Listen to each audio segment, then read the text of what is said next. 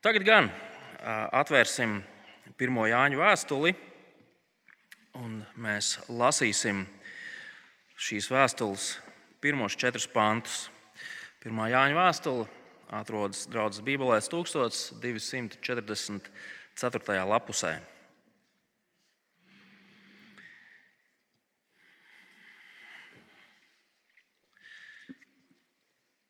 Kas bija no iesākuma, ko esam dzirdējuši, ko savām acīm esam redzējuši, ko skatījām un ko mūsu rokas aptaustīja par dzīvības vārdu.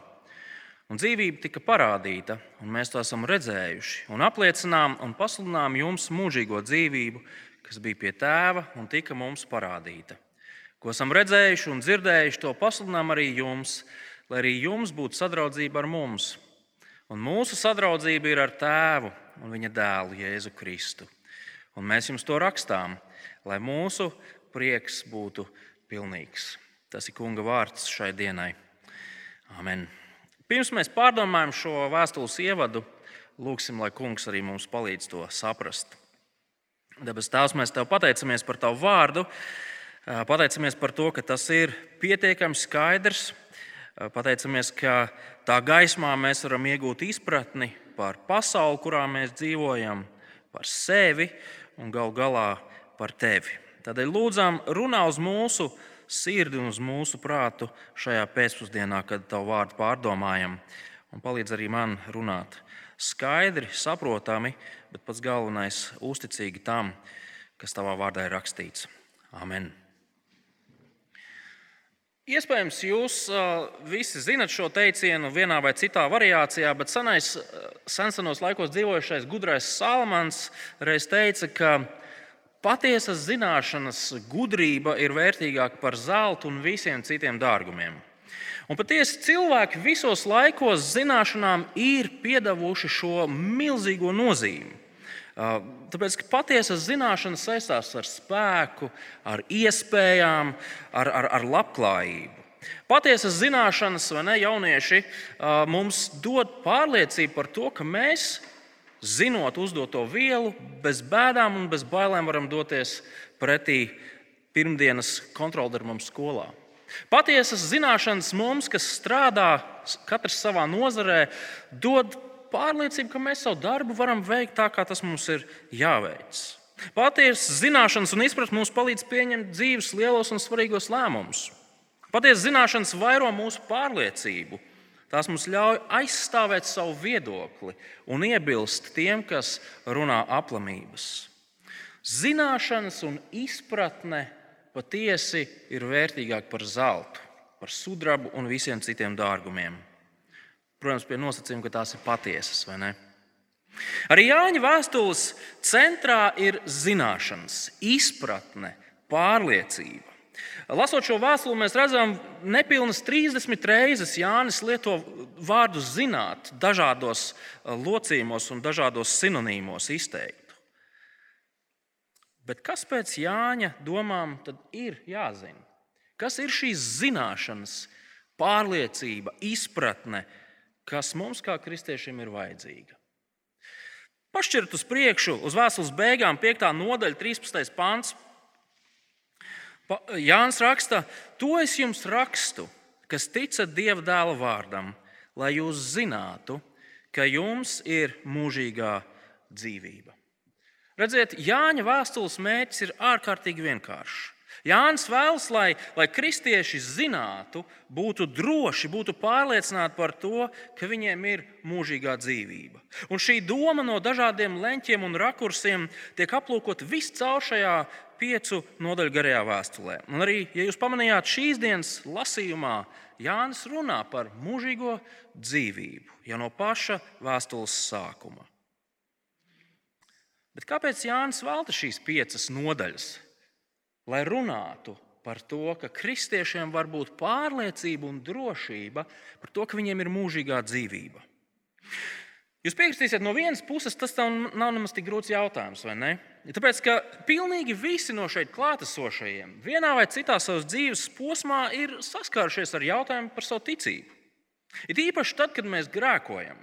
Vai tad, kad mēs ejam cauri tā sauktajiem sausuma periodiem, mēs varam sev jautāt, vai tiešām es ticu, vai tiešām es esmu kristietis.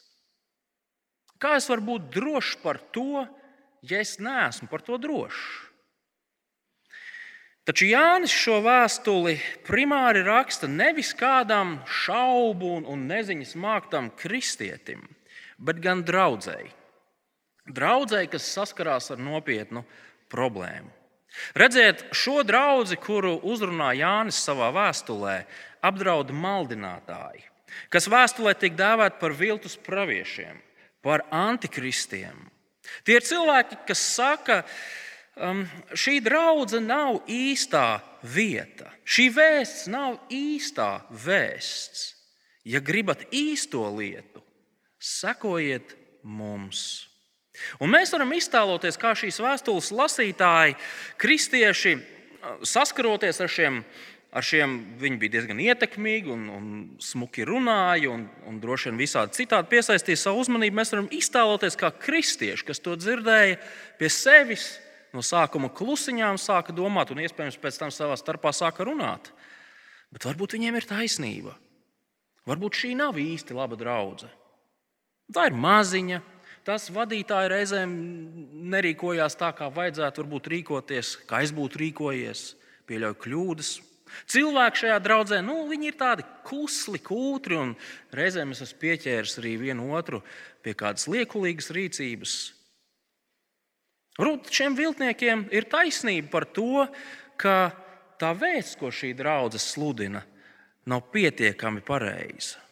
Varbūt man ir jāiet viņiem līdzi. Nu, aiziešu vismaz vienu reizi paklausīties.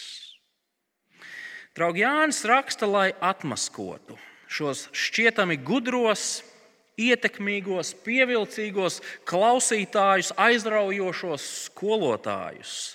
Un Jānis viņus sauc par vēlna bērniem. Viņš sauc par, par pasaules ļaudīm, dieva ienaidniekiem. Un to darot, Jānis šajā vēstulē kristiešus spēcina, sakot, jūs esat dieva ļaudis. Ar jums, mīļie, viss ir kārtībā. Jūs turaties pie īstās vēsts, un jūs to zinat.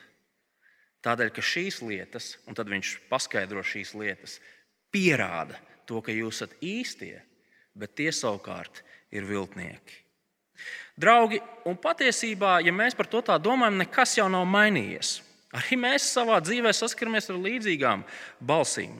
Tās mums liek apšaubīt skaidro mācību, um, tās mums sola dot to, ko mēs tik ļoti kārojam pareizi. Tās mūs, tās mūs vilina ar saviem stāstiem par veiksmi, veselību, bagātību un visu pārējo. Un klausoties šajās balsīs, mēs varam sākt šaubīties par savu ticību, mēs varam sākt šaubīties par vēsti, kuru mēs dzirdam vai esam dzirdējuši. Mēs varam sākt šaubīties par to, vai mēs esam īstajā vietā. Tāpēc, ka tas ir tik svarīgs jautājums, Jānis pārkāpj visas pieklājīgās vēstures, es atvainojos, vēstules rakstīšanas normas. Jūs redzat, Jānis pat taisno ķerās pie lietas. Tur nav pieklājīgi, ja šeit Jānis jums raksta, un tad viņš nosauc vārdā adresātu. Mana latviešu valodas skolotāja Bērzes kundze par šādu vēstules ievadu Jānim ieliktu traknu divnieku. Vēstules tā nesāk. Taču Jānim ir pilnīgi vienalga. Nav laika gariem ievadiem. Šo lietu nevar atlikt. Jānis vēlas, lai kristieši varētu būt droši par to, ka viņiem ir attiecības, sadraudzība ar Dievu. Un tādēļ Jānis jau no paša pirmā teikuma pasludina vēsti, kas šo sadraudzību padara iespējamu. Viņš vēlas, lai lasītāji nešaubīgi zinātu, ka viņiem ir reālas, īstas attiecības ar Dievu, kas nāk caur turēšanos pie šīs vēsts ko viņi ir dzirdējuši. Šī vēsts ir droša vēsts. Vai jūs pamanījāt, kā Jānis runā par to vēsti, ko viņš un viņa cīņu biedri ir pasludinājuši? Skatieties, pirmajā pantā. Mēs to esam dzirdējuši, savām acīm esam redzējuši, mēs to skatījām, mūsu rokas to aptaustīja. Trešais pants. ko esam redzējuši un dzirdējuši, to pasludinām. Redze, dzirde, tauste, pietrūkst viena garša un oža, bet vēlāk jūs redzēsiet, ka iespējams arī tas bija klātesošs. Jānis pasludina to, ko viņš ir reāli piedzīvojis, ko savām acīm ir redzējis, ausīm dzirdējis, ar savām rokām ir aptaustījis. Runa šeit ir par acu liecinieku pieredzi. Jānis saka, ka tā vēsts, evaņģēlīja vēsts, nav kaut kādas spekulācijas. Tās nav kaut kādas nezinu, filozofiskas idejas un ideāli, cilvēku viedoklis. Nē, tas ir fakts. Jānis runā par to, kas reāli ir noticis. Uz mirkli par to padomāsim. Nu, kā, kā tad strādā atsliecinieku liecības? Um, ja jūs gribētu pārliecināties par to, ka 27. augustā Sēbru ciemā notika ikgadējā draudzes diena, kopā sabraukšana, jūs varētu šajā telpā runāt ar lielu vairumu cilvēku, kur jums līdz sīkākajām detaļām izstāstītu, kur tas bija, ko mēs tur darījām, ko mēs tur nedarījām, ko mēs tur ēdām, kurš dabūja smuku nospiedumu uz vēdera ar futbola bumbu. Lai to visu paspildinātu, šie cilvēki jums rādītu bildes. Vienvārds sakot, šie cilvēki darītu visu iespējamo, lai liktu jums justies slikti ka jūs nevarējat savus plānus pārkārtot, lai piedalītos draudzes dienā. Nākamgad būs jauna iespēja, tā kā draugi izmantojiet šo nelielo pamudinājumu. Bet ne par to ir runa. Bet ne par to ir runa. Mēs, klausoties viņu liecībās, zinātu, kas ir noticis 27. augustā Sēbru ciemā. Bet tieši tāpatās ir ar jebkuru citu vēstures notikumu. Acu liecinieku pieredze, acu liecinieku liecības ir viens no vissvarīgākajiem un uzticamākajiem veidiem, kā mēs varam uzzināt par to, kas ir noticis. Šīs grāmatas netiks tirgotas nākamā nedēļa, bet šie četri smukie sējumi ir baznīcas vēsture no 1. līdz 18. gadsimtam.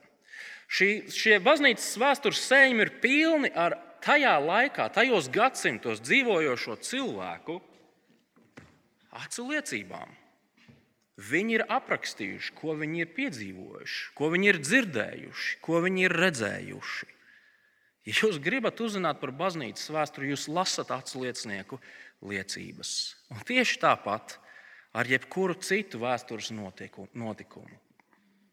Un arī ar Jāņa vēstuli un viņa vēsti. Jānis runā par to, ko viņi ir redzējuši, ko viņi ir dzirdējuši, ko viņi ir aptaustījuši. Un tas nozīmē sekojošo, lai teiktu, ka Jāņa vēsts, proti, evaņģēlijas, ka tas ir, tas ir kaut kādas muļķības vai senas pasakas. Šādam cilvēkam ir jānāk ar biezu mapi, kurā ir apkopoti pierādījumi, kas apgāž šos lieciniekus. Tas nozīmē, ka tajā brīdī, kad kāds jums, kāds jums saka, ka, zini, tu, tu jau vari iet uz to baznīcu, bet tas, kas tur tiek mācīts, tas ir, tas ir blēņas. Mēs šādam cilvēkam varam teikt, kā tu to zini? Tev ir pierādījumi tam, ka tās ir blēņas. Bet tu maz esi izstudējis tos pierādījumus, kas ir pieejami man? Vai tu spēj atspēkot šos acu lieciniekus? Apstuļu vēsts ir vēsturiska vēsts. Tā nav kā musulmaņu korāns, kas ir tapis kaut kur slepenībā alā, vienam vīram dzirdot kaut kādas balsis. Evangelijas nav kā, kā mormoņu grāmata, ko tāds diezgan apšaubāms reputācijas vīrs vārdā Džozefs Smits saņēma kaut kur mežā no kaut kāda eņģeļa. Evangelija vēsts nav kā, kā indiešu un hinduistu vēdas un upanišādas, kuras vispār par vēsturi neinteresējas, un viņiem neinteresē uh, reāls personas. Jānis runā par reālu vēsturi, par vēsti, kas ir droša. Bet kas ir šī vēsts? Kāds ir šīs vēsts saturs? Un tā ir otra lieta, ko mēs šeit uzreiz ieraugām. Vēlreiz izlasīsim šos pirmos trīs pāntus, kas bija no iesākuma, ko esam dzirdējuši, ko savām acīm esam redzējuši, ko skatījām, ko mūsu rokas aptaustīja par dzīvības vārdu. Un dzīvība tika parādīta, un mēs to esam redzējuši, un apliecinām un pasludinām jums mūžīgo dzīvību, kas bija pie tēva un tika mums parādīta, ko esam redzējuši un dzirdējuši, to pasludinām arī jums. Kas īsti ir šī vēsts, ko Jānis pasludina vai ir pasludinājis?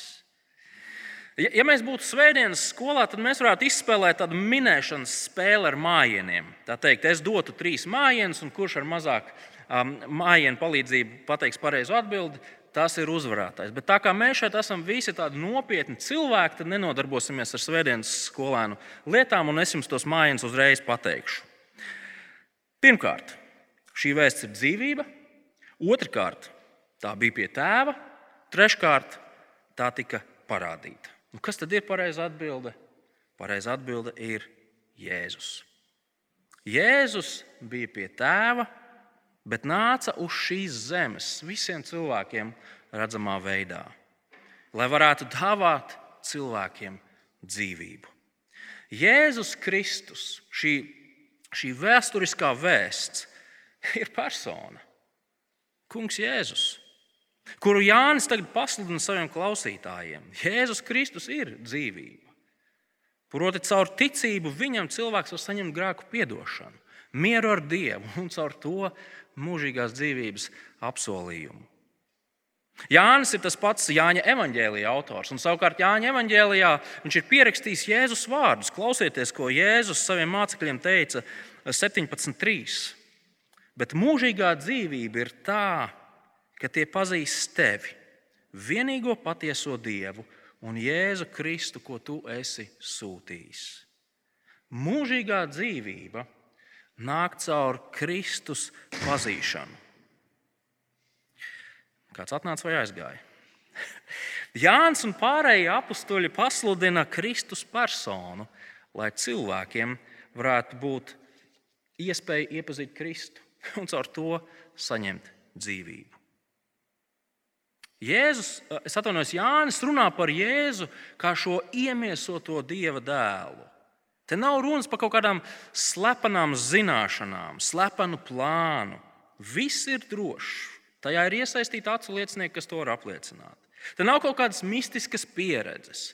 Dievu nevar iepazīt dziļi ieskatoties sev iekšā, kaut kur sirdī klusumā. Dievu nevar iepazīt staigājot pa mežu. Dievs nav iepazīstams skatoties uz kokiem, puķiem, jūru, lai cik skaists daba arī nebūtu.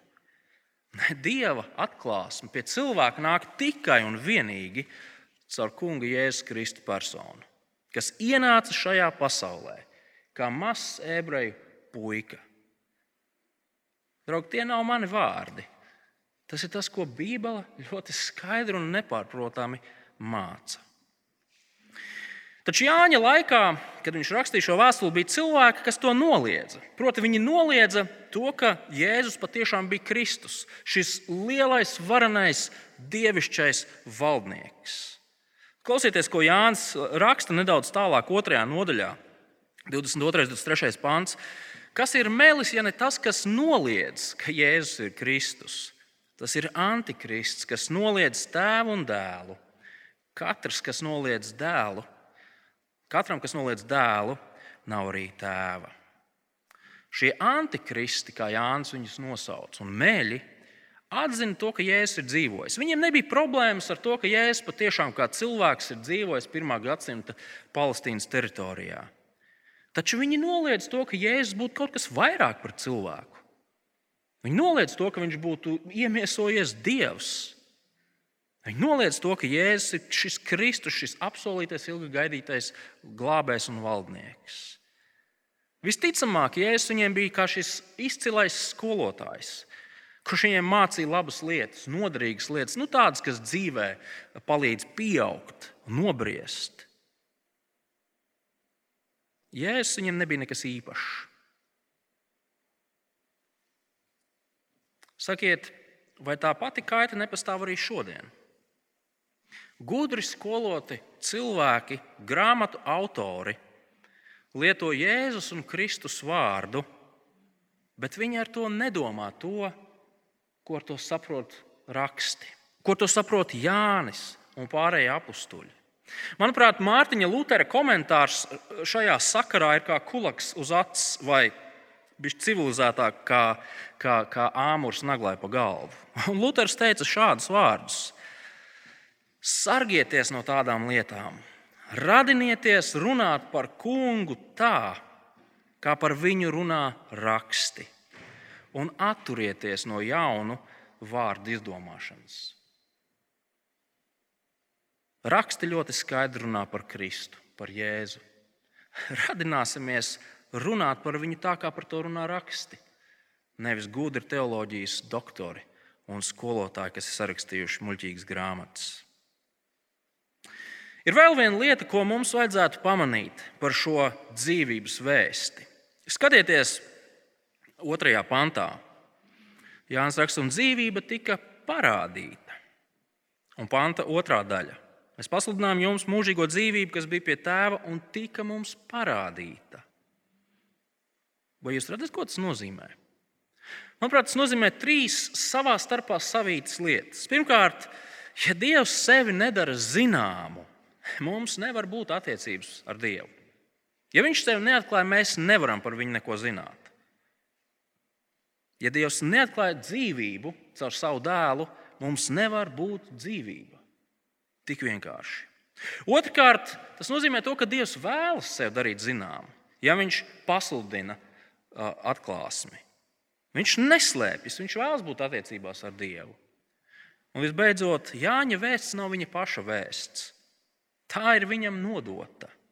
Viņš nebija kopā ar saviem draugiem un pēc kādas kārtīgas nedēļas nogales ballītes Nu, tad, kad prāts ir drosmīgāks nekā, nekā viss pārējais, viņi teica, zini, izdomāsim un uzrakstīsim tādu leģendu, kādu neviens cits iepriekš nav dzirdējis. Nē, draugi. Jāņa liecība nav leģenda, ko viņš ir sarakstījis saviem draugiem. Tā viņam ir iedota. Dievs sevi ir darījis zinām cilvēkiem, jo viņš vēlas, lai cilvēkiem būtu atdošana un mūžīgā dzīvība. Tās nav kaut kādas abstrakcijas vai filozofijas. Nē, tā ir vēsture. Un kādā veidā cilvēks var izmantot šo dzīvību?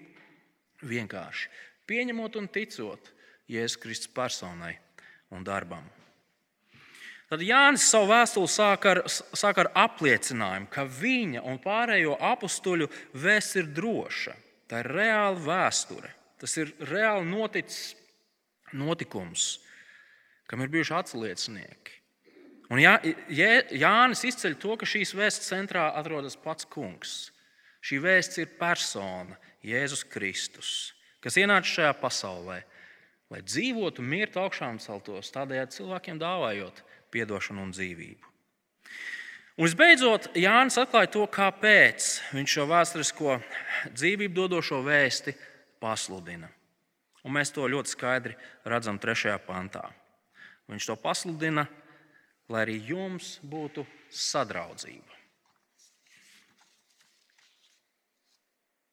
Ko esam redzējuši un dzirdējuši, to pasludinām arī jums, lai arī jums būtu sadraudzība ar mums.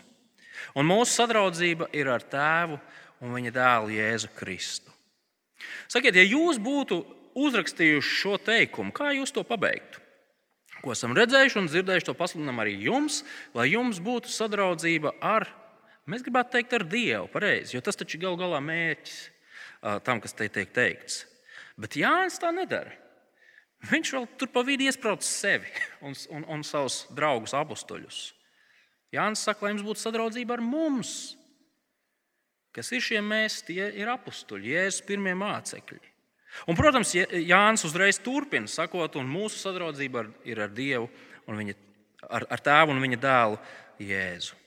Pārfrāzējot, mēs varētu teikt, draugi, ja jūs draudzēsieties ar mums, tad mūsu draugi būs jūsu draugi. Pareizi, nu, tā taču ir. Tajā brīdī, kad tie, kas esam precējušies, mēs apprecāmies, mēs iegūstam veselu virkni jaunu draugu un radu un cilvēku, kuru vārdu dienas un dzimšanas dienas mums ir jāsvin, un, un kuriem nedrīkst aizmirst piezvanīt. Nezinu, vai es runāju no savas pieredzes vai kāda cita, tas nav svarīgi. Jāņa secību ir svarīgi paturēt prātā. Sadraudzība ar Dievu un Kristu iespēja, nav iespējama, ja nav sadraudzība ar šīs vēsts pasludinātājiem, apstuļiem. Kāpēc? Tāpēc, ka viņi ir vienīgie cilvēki, kuri spēj nodot uzticamu liecību par Jēzu Kristu. Viņi ir vienīgie cilvēki, kuru pierakstītā liecība mums atklāja to, kāds ir Dievs un kā mums var būt attiecības ar viņu. Ja mēs atmetam jauno derību, ja mēs atmetam Jāni un visus pārējos, un sakām, ka mums ir attiecības ar Dievu, bet šis ir atmests, piedodiet, bet mēs esam muļķi. Mēs patiešām esam muļķi. Bet kas vispār ir sadraudzība? Vārds sadraudzība, koinonija, tas vārds, ko mēs iespējams esam dzirdējuši, um, grieķu valodā raksturo visciešākās, vistuvākās iespējamās attiecības. Bieži vien tas tiek lietots runājot par laulības attiecībām. Reizēm tas tiek lietots runājot par biznesa partneru attiecībām. Cilvēki, kuriem ir viens mērķis, viens redzējums, kur, kuriem ir vienādas intereses, kuri dara visu, lai viņu kopīgais projekts īstenotos un izdotos. Mēs varam uzreiz iztēloties labus draugus vai, vai darba kolēģus, un mūsu savstarpējās attiecības raksturo šis, šī devīze - viens par visiem, visi par vienu. Tas ir tas, ko nozīmē sadraudzība. Bet ko jūs sakāt, dzirdot to, ka šāda sadraudzība, šādas attiecības ir iespējams ar Dievu, ar visuma radītāju? Ar to, kurš pasakot pāris vārdus, rada pilnīgi visu, ko mēs redzam un varam aptaustīt. To, kurš ieceļ valdniekus un nākamajā brīdī visvarenākos valdniekus gāž no viņu troņiem. To, kurš nepievar acis uz nevienu grēku un kādu dienu taisnīgi tiesās visus ļaunu darītājus. To, kurš zina un seko līdzi visiem mūsu izkrītošajiem matiem. To, kurš lieliski zina mūsu cīņas, mūsu bēdas, mūsu grēkus, mūsu kārdinājumus, mūsu pārbaudījumus. To, kurš deva visdārgāko, kas viņam bija, lai būtu attiecībās ar mums. Ko jūs teiktu, ja jums būtu sadraudzība ar šo lielo varano dievu? Un Jānis saka, tā ir realitāte. Jūs turaties pie tās liecības, ko mēs esam jums atstājuši. Un, draugi, tas nozīmē, ka mūsu dzīve mainās. Būt sadraudzībā ar Dievu nenozīmē nu, tā romantiski iet ar viņu roku rokā pa parku ap māras dīķi. Nē, tas nozīmē to, ka mūsu dzīve mainās. Mūsu vērtības mainās, mūsu, mūsu uzskati mainās, mūsu prioritātes mainās. Tas, kur mēs investējam, ieguldam sevi un visu, kas mums ir dots, tas mainās. Atcerieties, koinonija nozīmē visciešākā sadraudzība, vienotība, uz vienu mērķi kopā.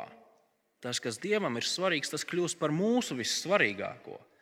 Lūk, ko nozīmē būt sadraudzībā ar Dievu. Ko jūs domājat par šādu sadraudzību? Es pilnīgi saprotu tos, kas teiks, to ir grūti saprast. To ir grūti aptvert un iztēloties. Es nezinu, vai jums ir kādi patiešām labi draugi, nevis tikai Facebook draugi, kurus mēs varētu saukt par šīs sabiedrības ietekmīgajiem cilvēkiem, kas virza notikumus un, un, un, un, un, un visu pārējo. Attiecības ar šiem pasaules ietekmīgajiem nobāli ir kā tāds mazs puteklīts, mūsu, ja to salīdzinām ar mūsu attiecībām ar Dievu.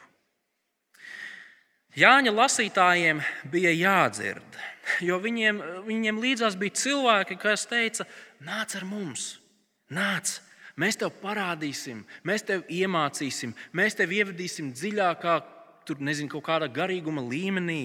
Mēs tev, mēs tev parādīsim, kā pa īstam tu vari izjust to, ka tev ir attiecības ar Dievu. Augstākā līmeņa attiecības. Mēs tev dosim īpašas zināšanas. Mēs tev iemācīsim, kā elpot, kā stāvēt uz galvas, lai piedzīvotu uh, vienalga ko. Es atceros, kā savas kristīgās dzīves pašos, pašos sākumos. Uh, man līdzās bija labu griboši kristieši. Tie nebija nekādi antikristi un, un meļi. Bet šie cilvēki teica, nāc, tas ir forši, ka tu esi kristietis. Bet mēs, mēs gribam tev dot vēl vairāk. Mēs gribam, lai tu saņem šo īpašo svaidījumu, svētā gara piepildījumu, lai tavs attiecības ar Dievu būtu pa īstām. Kā jau teicu, viņi nebija antikristi, viņi vienkārši bija cilvēki, kuri kļūdījās. Viņu uzskati bija nepareizi. Tāpēc, ka mūsu sadraudzība ar Dievu, mūsu attiecības ar Dievu ir tieši tādas pašas, kādas tās bija Jēzus pirmajiem mācekļiem, apstuļiem.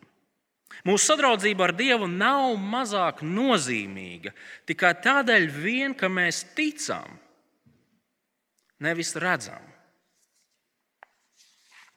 Mūsu sadraudzība ir pilnīga, ja mēs turamies pie Kristus vēsts, kas ir pasludināts ar apstuļiem. Šī sadraudzība ir iegūstama tikai un vienīgi tad, kad mēs pieņemam apstuļu vēsti par dzīvību dodošo Jēzu Kristu. Mums nav vajadzīga kaut kāda īpaša svaidījuma, īpašas atklāsmes, īpaša pieredze, īpašas zināšanas, īpašas metodes, elpošana, ēšana. Mums nav vajadzīgi īpaši skolotāji un viņa bezjēdzīgi biezās grāmatas. Draugi, mūsu drošība par attiecībām ar Dievu slēpjas vienā vienīgā jautājumā. Vai mums ir sadraudzība ar apstuļiem? kas mums pasludina vēsturisko evaņģēliju. Ja mums ir sadraudzība ar apstuļiem, tad mums ir sadraudzība ar Dievu. Ar mums viss ir kārtībā. Mēs varam nešaubīties, mēs varam būt droši. Turēsimies pie tā. Pat tad, ja piedzīvojam kādas šaubas un, un jautājumus, un nezinu, turēsimies pie tā.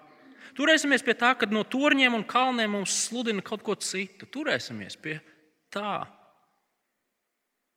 un mēs varam būt droši. Savukārt, ja jau šo jautājumu mēs sakām, zini, nu, es neesmu drošs, vai es saprotu apakstuļu mācības, neesmu drošs, vai es to pieņemu, tad kāpēc gan neveltīt šo jauno, kā mēs sakām, gadu, kas iesākās ar septembri, lai nopietni padomātu par šo jautājumu? Kāpēc gan neveltīt laiku tam, lai izprastu, jautājumu par attiecībām ar Dievu un kā tās ir iespējamas. Jo piekritīsiet, tas nav mazsvarīgs jautājums. Tas ir ārkārtīgi, ārkārtīgi svarīgs jautājums mums ikvienam. Visbeidzot, vai jūs pamanījāt, kā Jānis noslēdz šo, šo savu īso ievadiņu?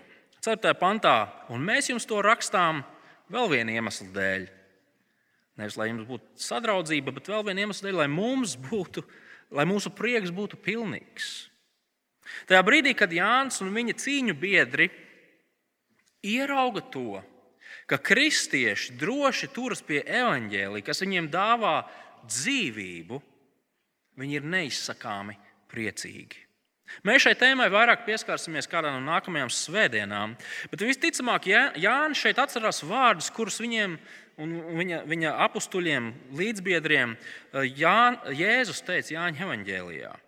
Tāpat arī, tagad, tāpat arī jums tagad ir bēdas, bet es jūs atkal redzēšu, un jūsu sirdis priecāsies, un neviens jums neatņems savu jūsu prieku. Mācekļi savulaik bija ārkārtīgi priecīgi, tad, kad viņi satika augšām celto Kristu. Tagad Kad Jānis raksta šos vārdus nākamajai mācekļu paudzei, viņš atkal runā par šo pašu prieku. Lai gan Jēzus nav redzams. Ko tas nozīmē? Tas nozīmē vienu svarīgu lietu. Tajā brīdī, kad mēs redzam to, kā aug Kristus draudzene, kad mēs redzam to, kā kristieši, brāļi un māsas turās pie Jēzus vārdu liecības, Jēzus darbu liecības, tajā brīdī ir tāda, ka pats kungs būtu mūsu vidū. Pats kungs ir kopā ar draugu, kas turās pie liecības par viņu. Un kas tas par milzīgu prieku? Izjust šādu vienotību savā starpā ar apziņu, ka kungs ir kopā ar mums. Draugu zināšanas, izpratne pārliecība patiešām ir vērtīgāks par zeltu, sudrabu, visiem pasaules dārgumiem. Un šajā dienā mēs varam būt simtprocentīgi pārliecināti, droši par to, ka turoties pie evaņģēlīja vēsts par Kristu, mums ir sadraudzība ar pašu Dievu. Mūsu ticības pamatā ir reāli vēsturiski notikumi, vēsturiska persona, ko cauri gadsimtiem ir nodevuši uzticīgi cilvēki katrai nākamajai paudzei. Un, ja tas mums ir pieejams, tad mums ir pieejams pilnīgs zināšanu avots. Avots, kurā mēs varam rast visu nepieciešamo, lai mēs varētu dzīvot attiecībās ar Dievu, pieaugt savā ticībā un aiziet līdz galam. Nešauboties ne mirkli, lai kādas balss mēs arī nedzirdētu. Lūksim. Dabas Tēvs, mēs patiesi pateicamies Tev, ka Tavs vārds ir tik skaidrs, um, tik vienkāršs, ka tur, tur nav kaut kādas apslēptas, neredzamas lietas. Bet mums var būt attiecības ar Tevi. Ja atzīstam um, dēlu, kur Tu sūtīji šajā pasaulē, kurš labprātīgi mira pie krusta, lai sagādātu mūsu grēku piedošanu un mūžīgo dzīvību ikvienam, kurš viņam tic. Un tādēļ lūdzam, lai šis svarīgais atgādinājums mums palīdzētu mūsu cīņā ar šaubām, ar grēku, ar kādiem jautājumiem, ar visiem tiem viedokļiem, kas ap mums skan ikdienas. Tās dod, ka mums būtu pārliecība un, un pilnīga izpratne par šo vissvarīgāko lietu. To mēs lūdzam Jēzus vārdā. Amen.